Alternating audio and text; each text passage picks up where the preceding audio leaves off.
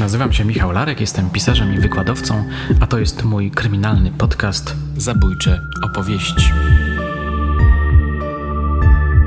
Sezon pierwszy, okrutni zbrodniarze, odcinek dziesiąty, Feder Dębiński, morderczy tandem.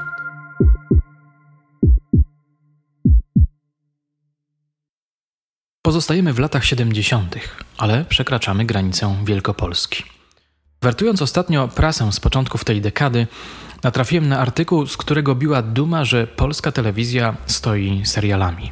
Co ciekawe, chwilę później ja sam zamieniłem się w widza serialu prezentowanego w kolejnych numerach czytanej gazety. Serialu oczywiście kryminalnego. Niniejszy podcast jest rekonstrukcją mojej lektury Dziennika Łódzkiego. Bardzo sensacyjnej lektury. Posłuchajcie, zabieram Was w mroczną podróż w czasie i przestrzeni. 17 września 1972 roku. Sięgam po Dziennik Łódzki, wydanie niedzielno-poniedziałkowe. Przebiegam wzrokiem po szpalcie, gdzie mowa jest między innymi o futurologii czy inwazji Izraela na Liban. Przewracam stronę. Mój wzrok zatrzymuje się na chwilę przy tytule Skazani za napady rabunkowe. Ale tylko na chwilę, bo główną atrakcją tej strony jest tekst zatytułowany Milicja poszukuje sprawców dwóch morderstw. Przyglądam się zdjęciom przedstawiającym twarze młodych chłopców. Wyglądają całkiem sympatycznie. Są młodsi od moich studentów, mają lekko zarysowujące się wąsiki. Co się stało? Co zrobili? Moja ciekawość została pobudzona. W Ryszewie koło Konstantynowa przy bocznej drodze wiodącej do Lutomierska został zamordowany 14 września o godzinie 13.30 kierowca taksówki 28-letni Czesław Pacha z Łodzi. Pisze dziennikarz o pseudonimie Tar. Osiracił żonę i dwoje dzieci w wieku 5 lat i 2 miesięcy.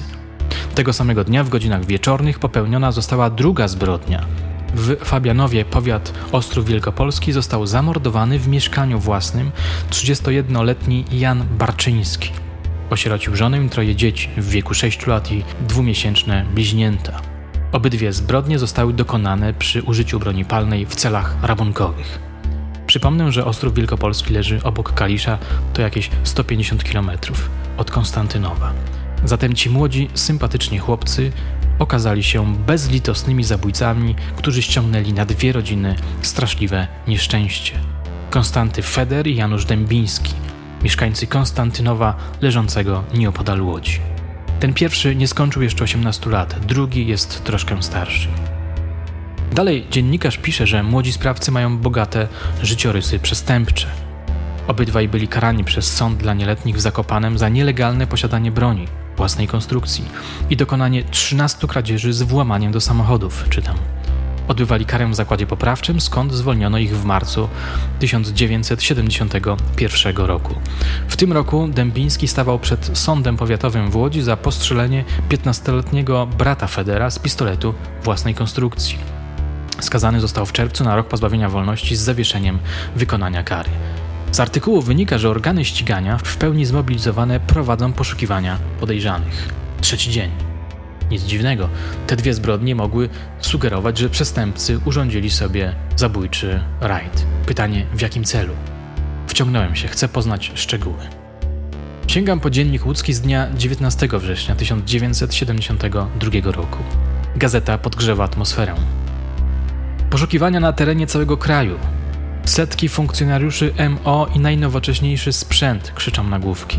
Tytuł brzmi W pościgu za mordercami. Rozbudowanemu tekstowi, który jest relacją reportera z akcji Milicji Obywatelskiej, towarzyszą cztery zdjęcia. Na jednym widzę milicjanta na tle helikoptera, na drugim dwóch milicjantów na tle samochodów. Na dole strony widnieją znane mi już dwie fotografie twarzy Federa i Dębińskiego. Muszę przyznać, że wszystko to wygląda bardzo sensacyjnie. Ówcześni czytelnicy musieli w wielkim napięciu przebiegać wzrokiem po kolejnych, coraz bardziej intrygujących zdaniach. Mnie też coraz mocniej udziela się napięcie. Jest to wzmianka o pogrzebie zamordowanego taksówkarza, na który przyjechało mnóstwo osób. Konstantynów oglądaliśmy wczoraj przez długie godziny, relacjonuje Leszek Rudnicki. Atmosfery, jaka tu panuje, nie da się opisać. To szok zbiorowy. Dla jednych okazja do sensacyjnych plotek, jak na przykład dla grupy młodzieńców debatujących godzinami na placyku obok prezydium. Dla innych morderstwa popełnione z zimną krwią są czymś, co trudno zrozumieć. Dziennikarz powiadamia swoich czytelników, że sztab akcji poszukiwawczej mieści się na posterunku właśnie w Konstantynowie. Cały czas napływają nowe meldunki. Milicjanci niewiele śpią, nie mają czasu na posiłki. Co jakiś czas grupy uzbrojonych mundurowców wysyłani są w teren, żeby sprawdzić informacje o podejrzanych, a tych nie brakuje. Jedziemy do Aleksandrowa, pisze Rudnicki, za miastem Chmaragapiów. Przeważnie młodzież asystuje kolejnym startom helikoptera. Z góry lepiej widać, czy przed tyralierą milicjantów nie zaczyna się ruch w chaszczach. Sadowimy się w maszynie. Z niskiej wysokości zaczyna się nawrót za nawrotem. Mozolne penetrowanie leśnych kwartałów i ciągle bez rezultatu. Tnące las w różnych kierunkach drogi są puste. Zamykają je z daleka zielone pudełka milicyjnych wozów. Brzmi jak opis z planu jakiegoś filmu sensacyjnego, prawda? Dziennikarz poświęca kilka zdań podejrzanym. Podobno mieli w planach zdobycie jakiegoś samochodu, a potem serię napadów. Robi się zatem coraz goręcej. Milicyjna akcja trwa na ziemi łódzkiej i we wszystkich pozostałych województwach, puentuje Rudnicki swój reportaż. Noce są coraz zimniejsze, żołądek dopomina się o swoje prawa. Kiedy i gdzie pojawią się znów młodzi mordercy z Konstantynowa? No właśnie, kiedy i gdzie? Sięgam po kolejny numer dziennika, żeby zaspokoić swoją rosnącą ciekawość. W kolejnym numerze pojawia się artykuł zatytułowany Nie ustają poszukiwania morderców.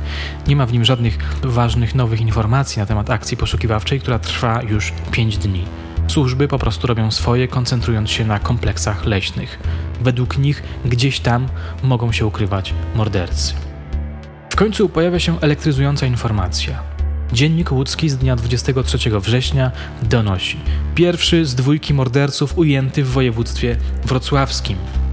Spoglądam na zdjęcie wmontowane w tekst. Młody chłopak z wąsikiem pod krawatem o łagodnym wyrazie twarzy. Zawsze mnie to porusza.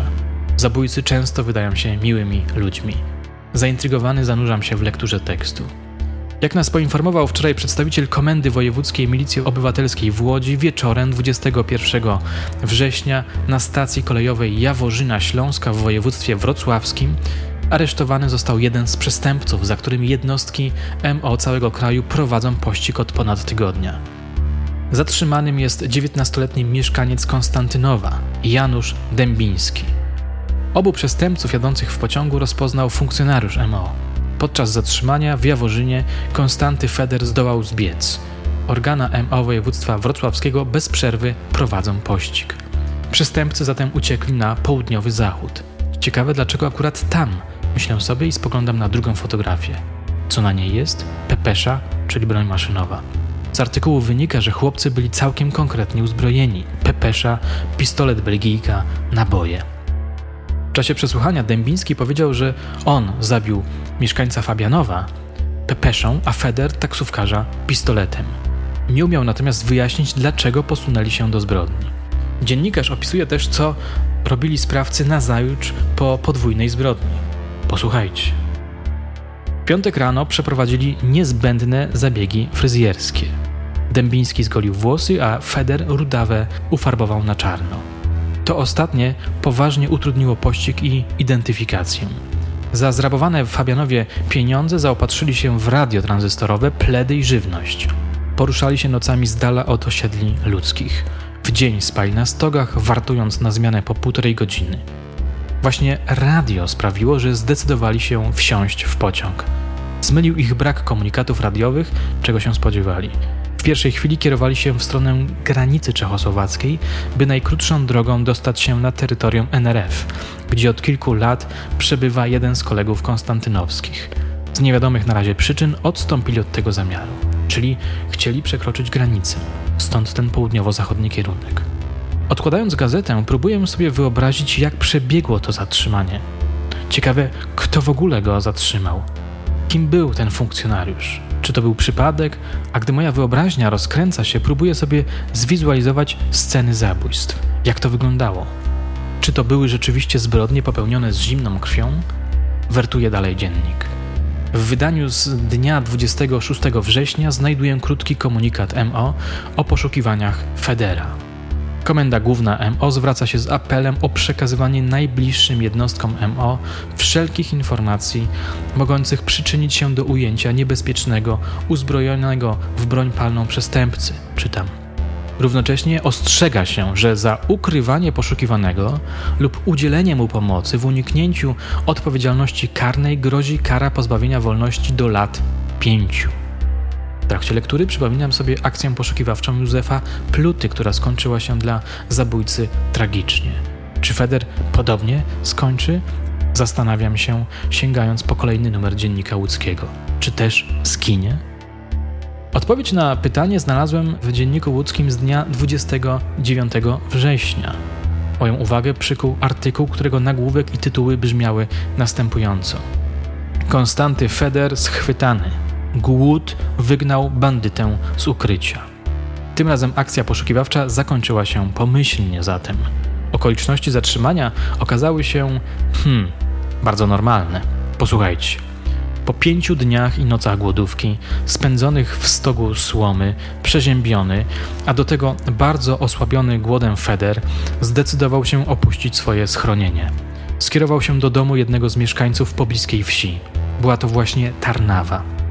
Gościa przyjęto troskliwie. Przygotowano posiłek, o którym chodziło. W tym samym czasie jeden z gospodarzy zawiadomił MO. W chwili aresztowania Feder nie próbował już stawiać oporu, choć posiadał przy sobie broń. Własnej konstrukcji, pistolet z przerobionego w tym celu KBKS-u i 11 sztuk amunicji. Federa zwyciężyła jednak ludzka słabość, jego biologia. Los przestępcy uciekiniera okazał się przedsięwzięciem logistycznym wykraczającym dalece poza możliwości osiemnastolatka. Dziennikarz zaznaczył, że wyjaśnienia Federa pokryły się z wyjaśnieniami Dębińskiego. Kierowany ciekawością serialowego Widzę sięgam po dziennik łódzki z dnia 30 września. Tytuł brzmi obiecująco: Feder i Dębiński zeznają. Pod tekstem widnieje fotografia przedstawiająca pistolet. Może dowiem się, jakie były szczegóły zbrodni, myślę sobie i rozpoczynam lekturę. Zacytuję wam fragment, nadstawcie już. Cofnijmy się więc raz jeszcze do 14 września, kiedy to między godziną 13.15 a 13.20 w lesie rszewskim pod Konstantynowem Feder wystrzałem z własnoręcznie skonstruowanego pistoletu pozbawił życia Czesława Pachę. W tym wypadku powodem zabójstwa była chęć uzyskania samochodu. Nie mógł to być wóz byle jaki. Obaj odwiedzili kolejno kilka postojów taksówek, nim się wreszcie zdecydowali na tego właśnie Fiata. Dębiński stwierdza, że wóz miał posłużyć dla przejażdżki. Osobiście jednak wydaje nam się, że przyczyna była inna. Dla przejażdżki raczej kradnie się samochody, a nie zabija kierowców. Przejażdżka zresztą nie trwała długo. Zaledwie kilkadziesiąt metrów i skończyła się na drzewie. Dębińskiemu nie starczyło umiejętności, by wyjechać wozem z lasu. Tym miejscu tekstu uśmiechnąłem się i na chwilę przerwałem lekturę. Taka jest właśnie prawda o prawdziwych zabójcach. Z jednej strony sieją grozę, a z drugiej budzą uczucie politowania. Rzadko kiedy są geniuszami zbrodni, wysmakowanymi koneserami malarstwa czy wyrafinowanymi czytelnikami filozofów. W tym wypadku ewidentnie mamy do czynienia z niezbyt rozgarniętymi młodzieńcami. Nie potrafili wyjechać autem z lasu. Wymowne. Ale wracam do tekstu. Obaj porzucili więc wóz, nie starając się w najmniejszym stopniu zatrzeć śladów. Zresztą nie mieli na to czasu. Możliwie najszybciej zabrali ze skrytki w pobliżu domu resztę swojego arsenału i inne przedmioty. Polami podążyli na Lublinek, wrzucając po drodze kluczyki od stacyjki Fiata do Neru. Funkcjonariusze MO znaleźli je później we wskazanym miejscu. Na stacji kolejowej kupili bilety do najdalszej stacji, na jaką pozwalały im fundusze. Był to Kalisz. Wysiedli nieco dalej w Ociążu, skąd pieszo udali się do niedalekiego Fabianowa. Najwyraźniej łup był marny, skoro stać ich było zaledwie na podróż do Kalisza. Niska była zatem cena życia człowieka. Nadmienię jeszcze, że Ociąż leży niedaleko Radliczyc. Być może pamiętacie, że jakiś czas temu opowiadałem wam historię brutalnego gwałtu i mordu na studentce AWF-u. Działo się to właśnie w Radliczycach, również przy stacji kolejowej. Dom Barczyńskiego, czytam dalej, kolejnej ofiary, znajdował się na tyle daleko od innych budynków, by nie było specjalnie słychać wystrzału. Poza tym paliło się w nim jeszcze światło. Była godzina 21.30, gdy wystrzałem z pepeszy Dębiński zabił otwierającego drzwi Barczyńskiego. Powodem tego zabójstwa była oczywiście chęć zdobycia pieniędzy. Z Fabianowa obaj zabójcy wrócili z powrotem pieszo do Ociąża i koleją udali się do Jeleniej Góry. Trasa wędrówki staje się od tego momentu kręta. Wędrowali nocami, z dala od osad ludzkich, niektóre odcinki przebywając pociągami. I właśnie w trakcie takiej jazdy zostali rozpoznani przez K. Frączka, podoficera MO. Muszę sprawdzić tego Frączka. Myślę sobie i zaczynam szukać w internecie informacji na temat tej sprawy. Okazuje się, że ta sensacyjna historia doczekała się dwóch adaptacji audiowizualnych. W 1974 roku Andrzej Trzos-Rastawiecki nakręcił film zatytułowany Zapis zbrodni. W rolę Dępińskiego wcielił się młodziutki Mieczysław Chryniewicz. Natomiast na początku pierwszej dekady XXI wieku w ramach serialu dokumentalnego Paragraf 148 Kara śmierci wyemitowano odcinek zatytułowany Przypadkowi mordercy. Owymi przypadkowymi mordercami są właśnie Feder oraz Dębiński. Zachęcam do obejrzenia. Występuje tam Konstanty Feder we własnej osobie, który wyszedł na wolność w 1990 roku. Nawiasem mówiąc, jestem ciekawy, czy jeszcze żyje i co robi. W dokumencie występuje też milicjant, który zatrzymał Dębińskiego. Opowiada przed kamerami, jak dokładnie wyglądała sytuacja zatrzymania. Wsiadł umundurowany do pociągu, dostrzegł i rozpoznał poszukiwanych zabójców. Postanowił usiąść naprzeciwko nich. Zrobił tak, ale udając, że ich nie rozpoznał. Gdy pociąg zbliżał się do kolejnej stacji, odbezpieczył broń. Gdy wszyscy wstali, żeby wysiąść, przystawił pistolet do pleców Dębińskiego. Idziecie ze mną, rzucił coś na ten kształt. Niestety Feder wtopił się w tłum i zdołał uciec. Co ciekawe, tę sytuację w dokumencie przedstawia po latach ze swojej perspektywy sam Feder. Koniecznie musicie to obejrzeć. W jednym z kolejnych numerów Dziennika Łódzkiego znajduję opis wizji lokalnej. Intrygujący. Na marginesie tego eksperymentu śledczego zwrócić trzeba uwagę na dwie sprawy.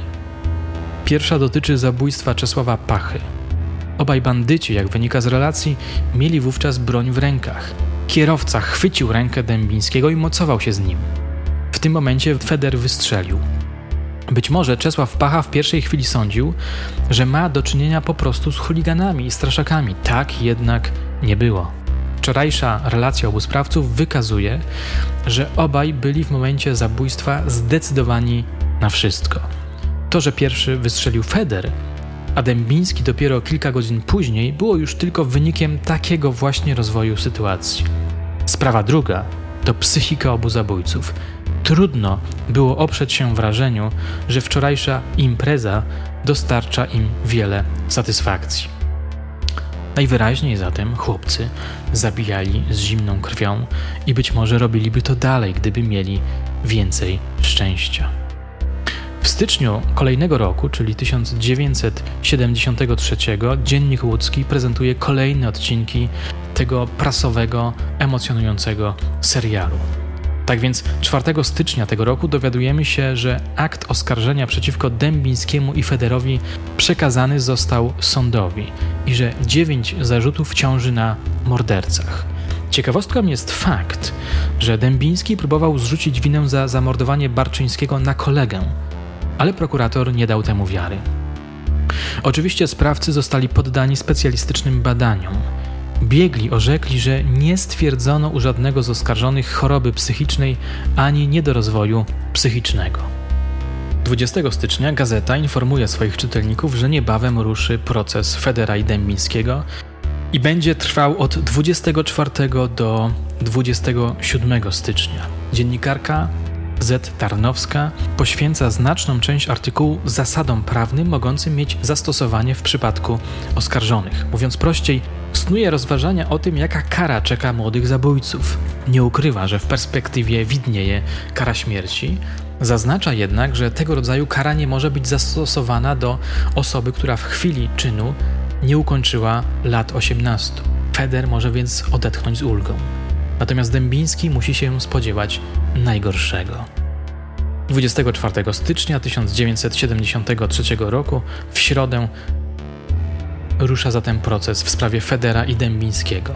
Oto nagłówki i tytuły dziennika łódzkiego, które przedstawiają porządek kolejnych rozpraw. Pierwszy dzień procesu morderców z Konstantynowa. Dębiński nie przyznaje się do zastrzelenia Barczyńskiego. Drugi dzień procesu Dębińskiego i Federa. Zeznania świadków. Tego dnia czytelnicy gazety poznali dzięki zeznaniom wdowy szczegóły zabójstwa w Fabianowie. Są zaiste przerażające. Mąż jej spał już, kiedy ona karmiła pięciomiesięczne bliźnięta i usłyszała pukanie do okna, relacjonowała dziennikarka. Obudzony przez nią mąż wyszedł na werandę. Słyszała otwieranie drzwi kluczem, a następnie strzał. Kiedy wyskoczyła do sionki, zobaczyła jednocześnie na werandzie słaniającego się męża i doskakującego do niej człowieka z pepeszą w ręku. Mężczyzna wepchnął ją do kuchni, krzyknęła: Co się dzieje? Uciszył ją, zażądał wartościowych rzeczy, zapewnił, że mąż żyje, jest tylko ranny i że wezwie pogotowie. Zapytany przez nią, kim jest, powiedział, że działa z ramienia organizacji NSZ i Wolnej Europy. Mówił też, że jest ich więcej we wsi, mają rannych, zażądał leków, żywności i pieniędzy. Feder wszedł do mieszkania po upływie kilku minut. Wygaszał światło na polecenie Dębińskiego, ten natomiast przeszukiwał pomieszczenia, rabując różne rzeczy i pieniądze, około 4000 złotych. Potem związał Barczyńską i sześcioletnią córkę, która obudzona zaczęła płakać. Zakneblował jej usta bandażem. Opuszczając po trzech kwadransach mieszkanie, napastnicy zostawili na prośbę Barczyńskiej 200 złotych ze zrabowanych pieniędzy. Oswobodziła się z więzów i gdy zobaczyła męża leżącego bez życia, zaalarmowała sąsiadów. Ten dzień ukazał okrucieństwo zabójców, szczególnie Dębińskiego. Z zeznań świadków wyłonił się portret Dębińskiego jako sadysty, który panował bezkarnie w Konstantynowie. Trzeci dzień procesu Federa i Dębińskiego, zeznania rodziców i opinia biegłych. Ten z kolei dzień zaprezentował, jak to ujęła dziennikarka, ponury obraz stosunków rodzinnych, w jakich wychowywali się obaj zabójcy. Warunki rodzinne i błędy wychowawcze miały wpływ na powstanie u nich cech negatywnych.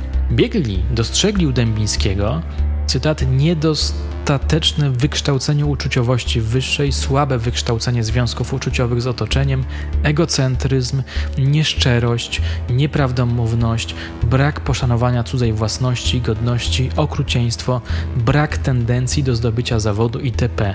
Cechy typowe dla osobowości psychopatycznych.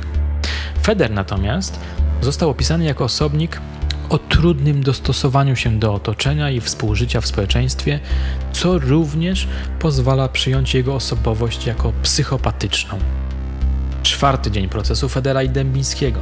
Prokurator żąda kary śmierci dla Dębińskiego, 25 lat pozbawienia wolności dla Federa. Z artykułu wynika, iż prokurator stwierdził, że oskarżeni reprezentują ludzi, którzy stanowią niebezpieczeństwo dla porządku prawnego. 31 stycznia 1973 roku Dziennik Łódzki poinformował o wyroku, który wydał Sąd Wojewódzki w Łodzi. Spełniły się żądania prokuratora Henryka Szczęsnego, Dębiński, kara śmierci, Feder 25 lat pozbawienia wolności. Według sądu prokuratura udowodniła bezwzględną premedytację, okrucieństwo i cynizm sprawców. W rozumieniu prawa działali z pełną świadomością, z opinii biegłych psychiatrów, czytamy w tekście. Wytwarzając wokół siebie atmosferę zbrodni, sami postawili się poza nawias społeczeństwa, które domaga się wysokiej dyscypliny, poszanowania praw i porządku publicznego, wyeliminowania zbrodni. 26 września 1973 roku gazeta poinformowała swoich czytelników, że poprzedniego dnia wykonano wyrok śmierci na Dębińskim, a w stosunku do Federa utrzymano wyrok w mocy. Zwykła głupota, mówi Feder w dokumencie, o którym wcześniej wspominałem. No chyba jednak nie tyle zwykła głupota, co porażające okrucieństwo i niesłychany brak empatii. Dowodzą tego chociażby straszliwe zajścia w Fabianowie, które przypominają sekwencje scen z brutalnych amerykańskich filmów sensacyjnych. Wydaje się, że sprawa morderców z Konstantynowa to dobry temat na poruszający miniserial o młodych ludziach, którzy całkowicie zagubili się w życiu i w pewnym momencie przeszli na drugą stronę mocy. Mogłaby to być fatalistyczna opowieść o autodestrukcji. No właśnie. Skoro zacząłem od uwagi na temat seriali produkowanych w Polsce w latach 70., to chciałbym również w podobny sposób zakończyć. Polecam Wam zatem bardzo ciekawą pracę Roberta Dudzińskiego. Rzecz nosi tytuł Produkcje sensacyjno-kryminalne telewizji polskiej 1965-1989. To bardzo pouczająca e, książka. Na dzisiaj to wszystko. Dziękuję za uwagę i do usłyszenia już wkrótce.